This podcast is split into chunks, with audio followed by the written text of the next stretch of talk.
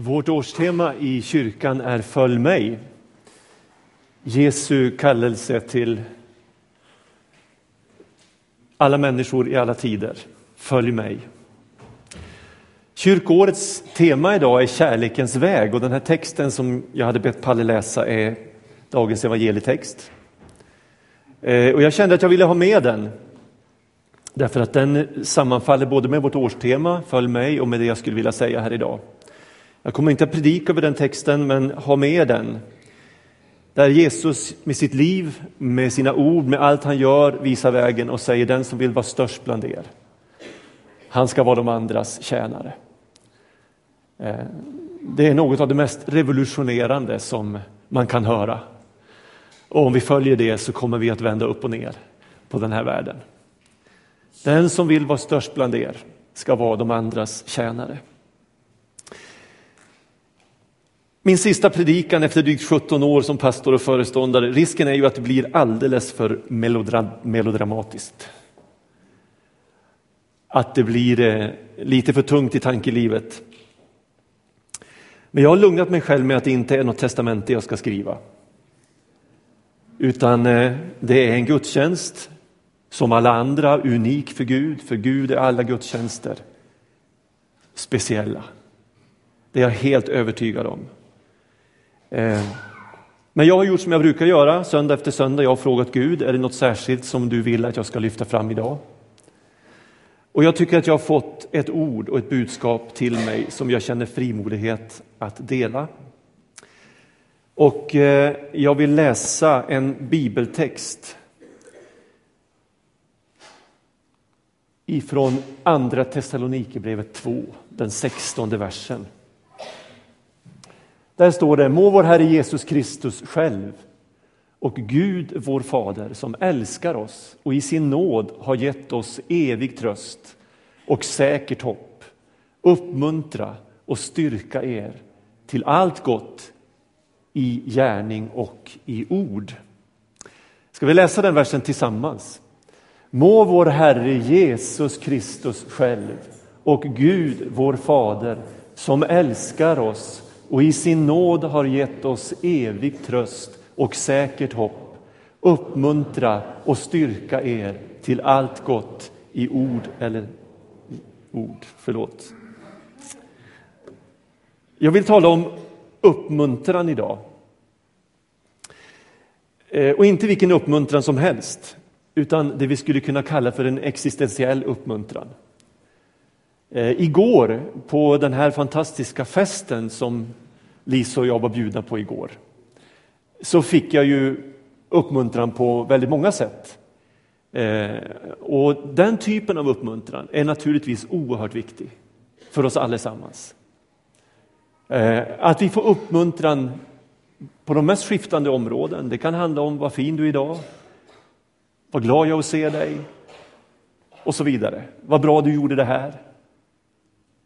Eller jag hörde någon som sa så här om dig, det positiva skvallret. Den typen av uppmuntran är viktig, men det är inte den uppmuntran jag vill tala om idag, utan den uppmuntran som vi möter i den här texten.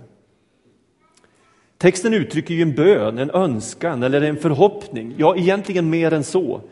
Den utlovar och proklamerar att Jesus själv och Gud, vår far, ska uppmuntra och styrka de troende i Thessalonike och naturligtvis alla troende till allt gott i både ord och handling. Och I första delen av predikan så skulle jag vilja stanna inför ordet uppmuntran och Gud som den ursprunglige uppmuntraren. Och lite grann i slutet så vill jag eh, uppmuntra oss att våga tro att vi själva kan få uppmuntra på ett gudomligt sätt. Men först lite om själva ordet uppmuntran. Det grekiska ordet parakleo, verb, eller paraklesis, substantiv.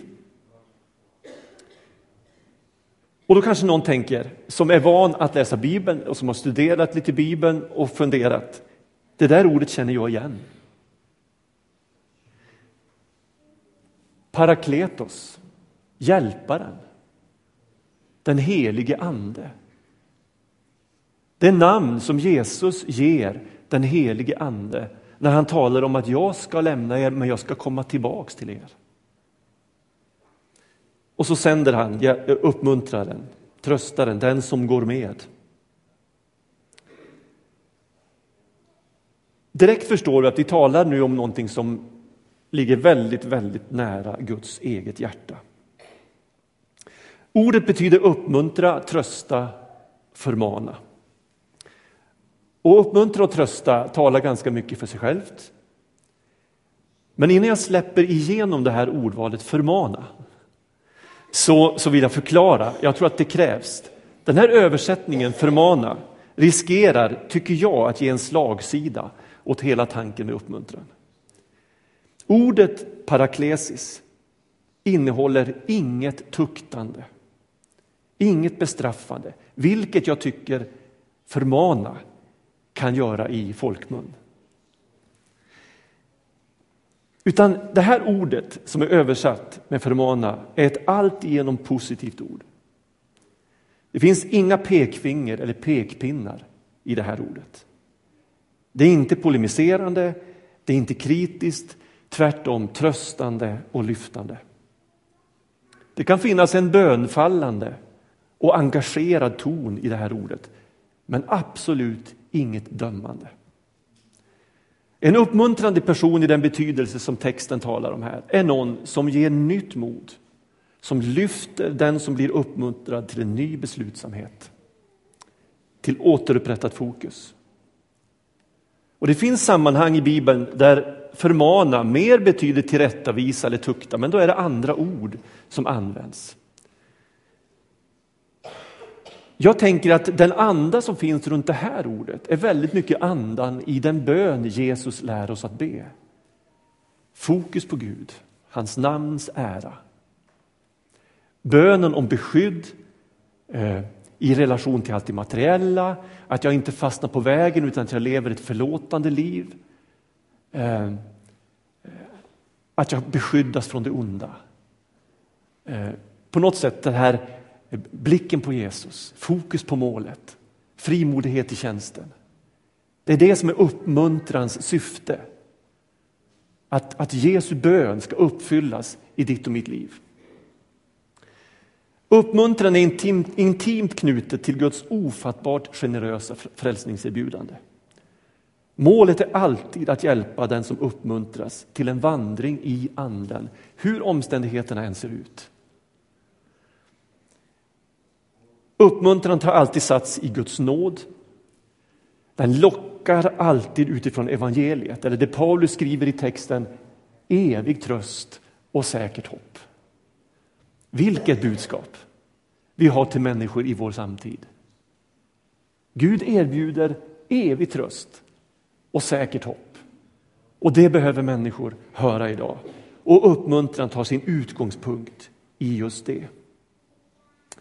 Det finns en anda av uppmuntran genom hela Bibeln, även om ordet uppmuntra inte finns exakt i samma betydelse i Gamla testamentet. Det finns inget hebreiskt ord som exakt svarar mot det här grekiska ordet för uppmuntran. Men låt mig ta en bibelberättelse från Gamla testamentet som fångar andan i vad det här ordet handlar om. Vi hittar det i första Kungaboken 19 och det handlar om profeten Elia. Elia har utmanat avguda eh, prästerna. Eh, Ahab, eh, Ahab är kung, han är gift med Sebel som har infört avgudadyrkan i landet. Och Elia som ende profet till försvar för den levande guden. Han utmanar 450 Baals profeter på berget Karmel.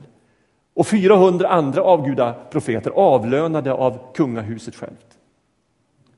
Och han vinner en fantastisk seger och visar att Gud är Gud. Och Isabel svär att ta livet av Elia. Och Elia flyr. Flyr undan Ahab och Isabel. Han flyr långt ut i öknen och så läser vi Elia blev rädd och flydde för sitt liv. Han kom till Beersheva i Juda där han lämnade kvar sin tjänare. Själv gick han vidare en dagsled ut i öknen och efter vandringen satte han sig under en ginstbuske och önskade sig döden. Det är nog, sa han.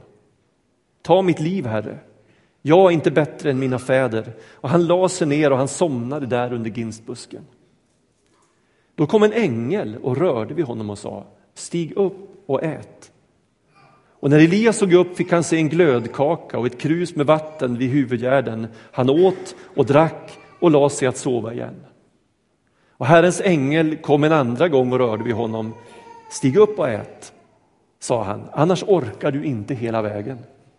Elias steg upp och åt och drack och måltiden gav honom kraft att gå i 40 dagar och 40 nätter ända till Guds berg Horeb. Och när han kom fram gick han in i en grotta och stannade där över natten. Och så fortsätter vi att läsa hur Gud i sin nåd och kärlek uppenbarar sig för Elia. Och så visar han Elia, du är inte alls ensam. Det finns 7000 andra av Israels folk som inte har böjt knä för, för avgudarna. Och de ska hjälpa dig i ditt uppdrag. Och så ska du gå dit och så ska du avskilja Elisa som din efterträdare. Och så tar Gud hand om Elia. Och han får nytt mod och ny kraft och nytt fokus och han fortsätter att tjäna i frimodighet. Och det är den här andan av, eh, som finns i det här ordet uppmuntran. Och jag skulle vilja att ni tar med den här bilden, för den, den är viktig. Den visar Guds hjärta, men den visar också att den mest smorda, hängivna Herrens tjänare kan hamna under en ginsbuske och säga jag orkar inte mer. Jag är helt slut. Ta mitt liv. Vi är bara svaga, bräckliga människor. Och vi kommer att behöva den uppmuntran som jag här talar om idag. Eh, så ha med den här bilden av Elia och Guds fantastiska uppmuntran. Om vi går tillbaks till andra Thessalonikerbrevet, ni har texten på väggen och sätter in versen vi läste i sitt sammanhang så hittar vi några viktiga versar. I vers 13 och 14 skriver Paulus till de troende i Thessalonike om målet för hela deras livsresa. Hur Guds plan ser ut för varje kristen. Gud har utsett oss till att räddas och till att vinna Jesu Kristi härlighet.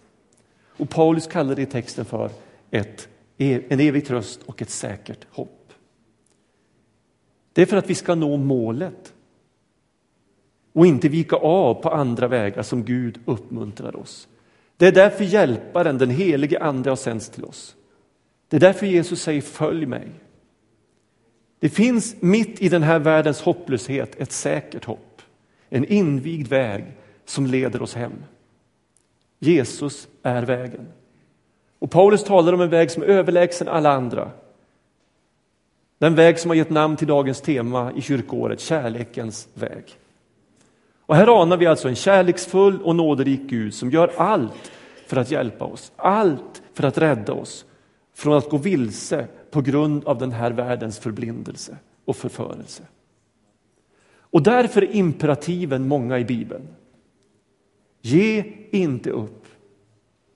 Var inte rädd. Se på Jesus. Ha målet i sikte. Låt er uppfyllas av Ande. Stå emot djävulen. Var frimodiga. Förkunna ordet. Imperativen dugga tätt i Bibeln. Därför att Gud vill att vi ska nå ända fram. Och då kan man ju fråga sig, behöver vi verkligen uppmuntras att gå kärlekens väg och följa Jesus? Är inte det det självklara valet? Ja, I början av det här andra kapitlet i andra Thessalonikerbrevet så skriver Paulus, tappa inte fattningen. Låt inte lura er på något vis. Det är lättare än vad vi kanske erkänner att fastna på vägen. Varför skulle annars Jesus lära oss bönen Fader vår? Bevara oss från det onda. Förlåt oss så som vi förlåter. En uppmaning att hålla oss på vägen.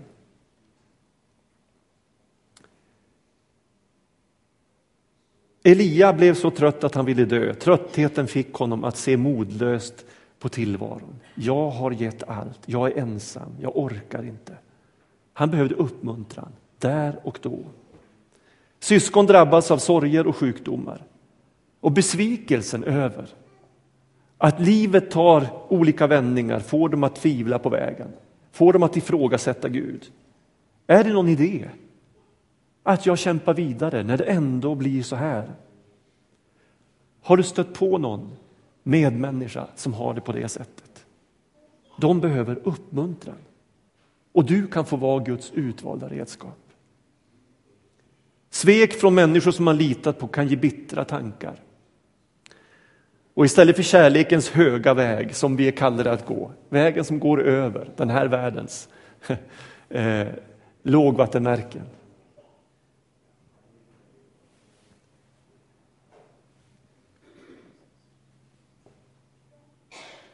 Vi tappar den vägen och så börjar vi trassla in oss i hatets och hämndens och självförsvarets och självömkans snårskogar. Känner du någon som har fastnat i något dike någonstans? Gå inte förbi. De behöver uppmuntran.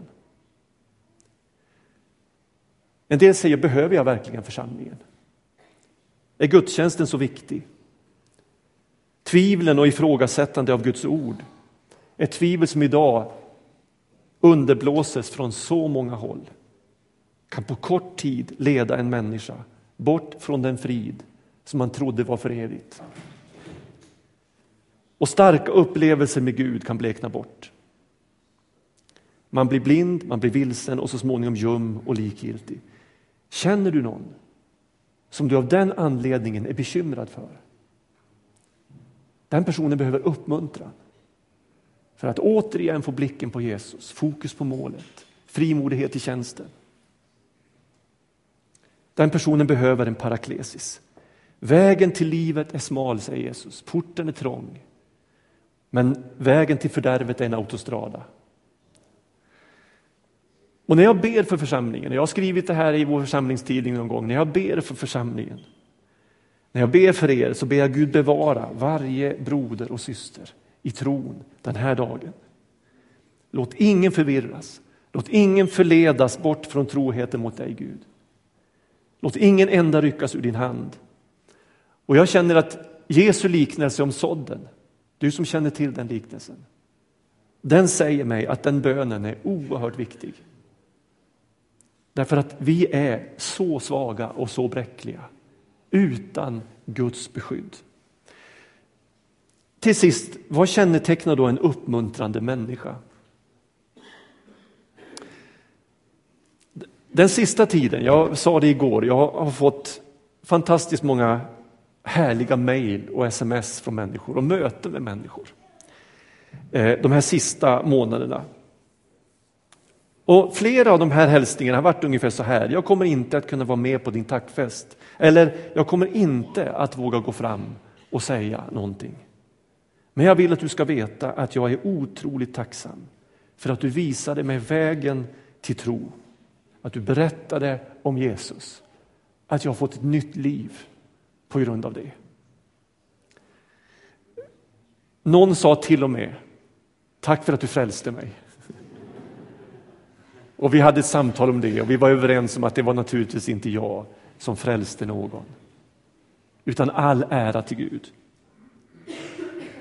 Men jag samtidigt som jag har sagt vi ska ge Gud all ära, så har jag känt en, en jag, jag har blivit gråtfärdig av tacksamhet.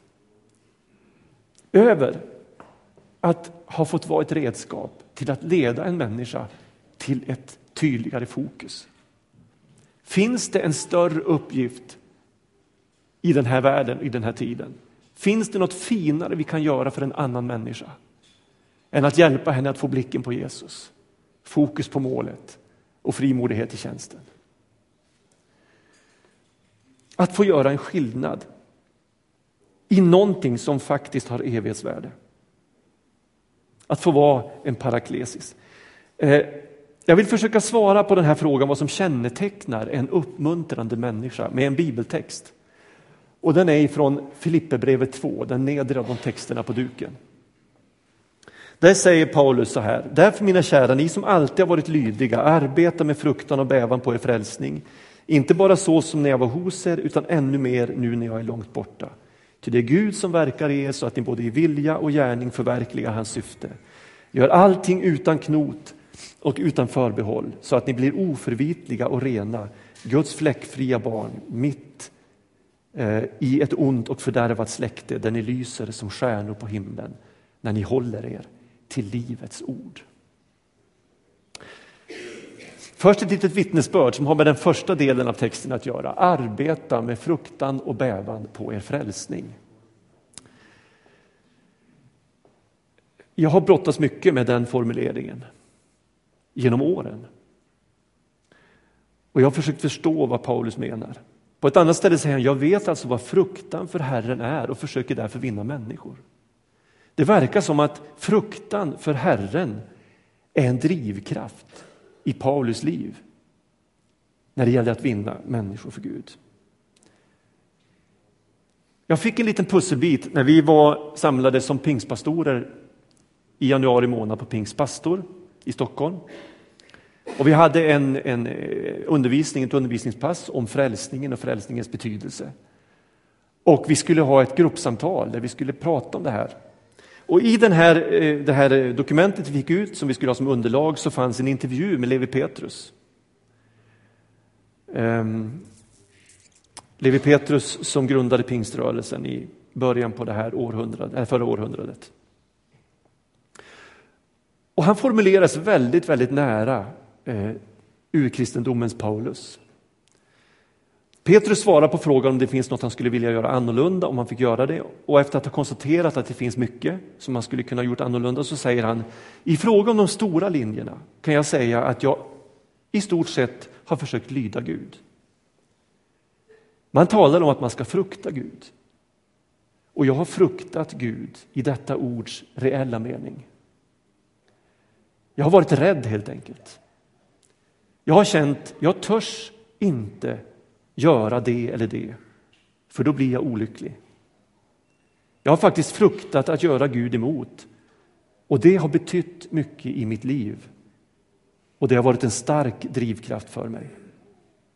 Och så fortsätter den här intervjun med att Levi Petrus berättar om hur han via ett så kallat mannakorn, alltså en bibelvers dragen ur en liten burk, fick ett bibelord till sig vid flytten till Stockholm. Ordet var ur Jeremias första kapitel där Jeremia kallas av Gud. Och Det var speciellt en rad som gjorde starkt intryck på Petrus och det var raden där det står Var inte förfärad för dem. På det att jag inte må låta vad förfärligt är komma över dig inför dem. I Bibel 2000 står det Var inte förskräckt för dem, för då slår jag dig med skräck inför dem. Och så säger han, mer än en gång har de där orden kommit för mig och jag har känt att om jag inte gör det eller det så kommer något förfärligt att hända. Jag faller i synd eller jag kommer i olycka. Jag har ibland spjärnat emot men jag har gått. Det har fått bära eller brista och jag kan säga att jag har fruktat Gud, rent bokstavligt. Blir ni klokare? Inte direkt. Jag har fortfarande samma undran. Vad menas med fruktan för Gud? Men så har jag tänkt, respekt för Gud och klarsyn i förhållande till det onda är nödvändigt för varje kristen. Jag tänker på kristna klassiker genom historien. Jag tänker på Bunyans Kristens resa där han försöker fånga de snaror som finns längs en människas livsväg. Jag har nyligen suttit och sett eh, trilogierna av J.R.R. Tolkien, eh, Sagan om ringen och En hobbits äventyr. Och när man ser dem så, så vaknar man över att det finns en kamp att utkämpa i den här tillvaron som är viktigare än någonting annat. Och i den ryms en respekt för Gud. Ett allvar. När Jesus säger följ mig så är det inte ett förslag på en alternativ väg han ger oss utan det handlar om liv eller död.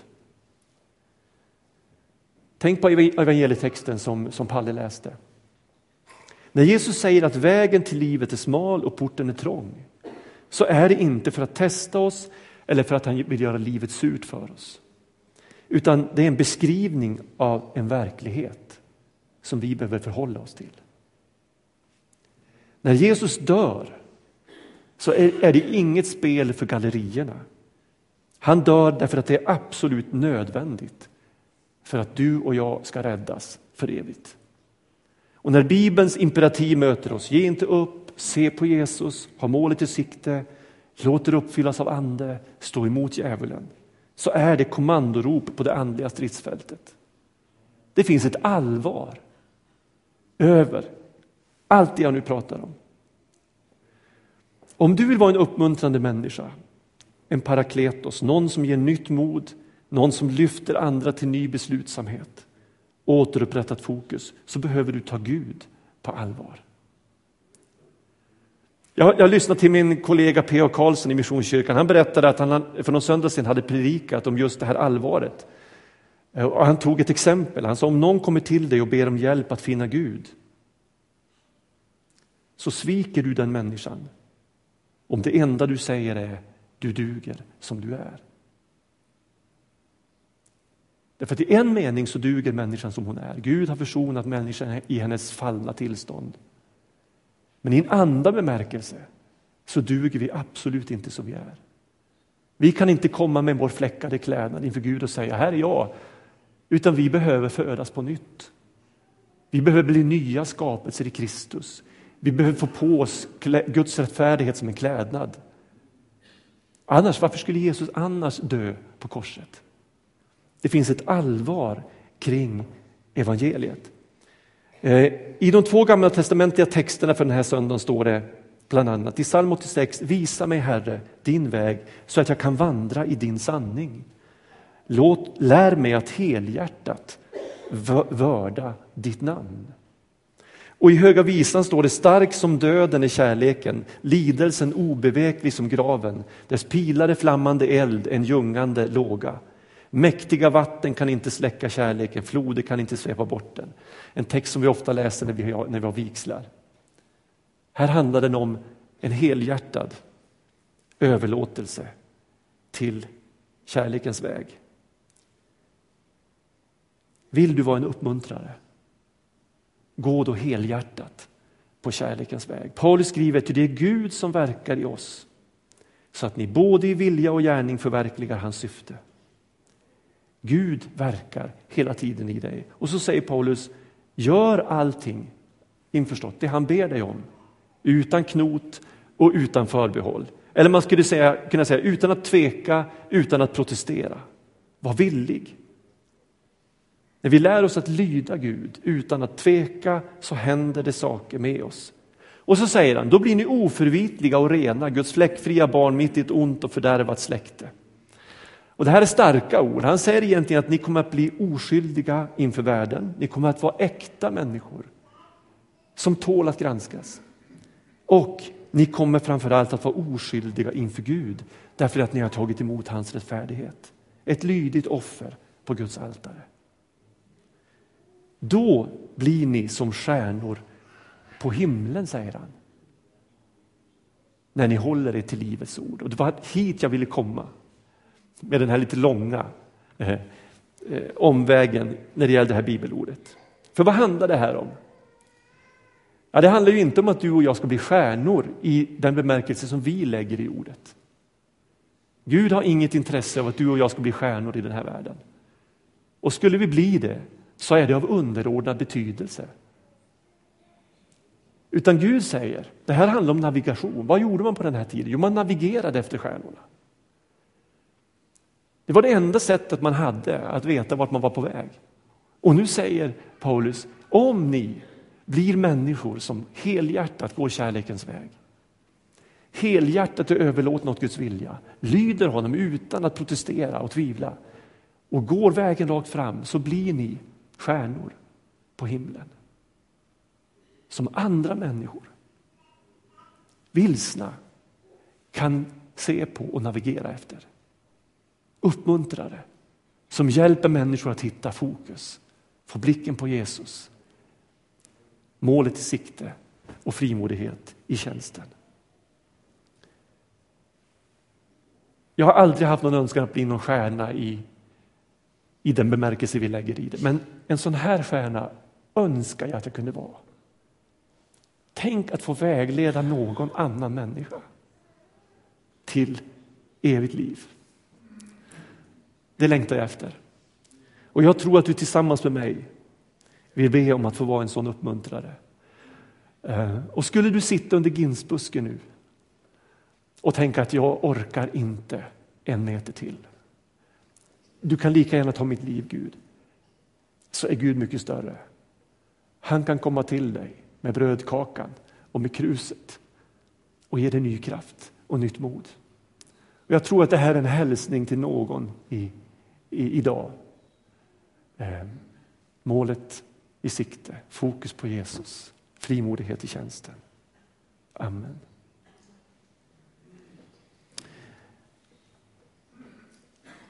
Herre, min enda bön idag är att ditt ord ska ha verkan i oss, att ditt ord ska ha framgång. Att din vilja ska ske i oss. Att eh, ditt rike ska bli synligare och tydligare i våra liv, i den här stan, i den här bygden. Vi ber med Jesu ord att ditt namn ska bli helgat, Far, att ditt rike ska komma, att din vilja ska ske. Och så ber jag att du bevarar oss på vägen. Att du bevarar oss från det onda, att du hjälper oss att leva i förlåtelse.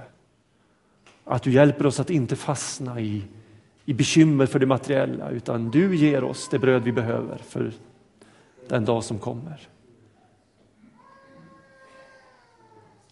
Och din är makten, din äran i evighet. Amen.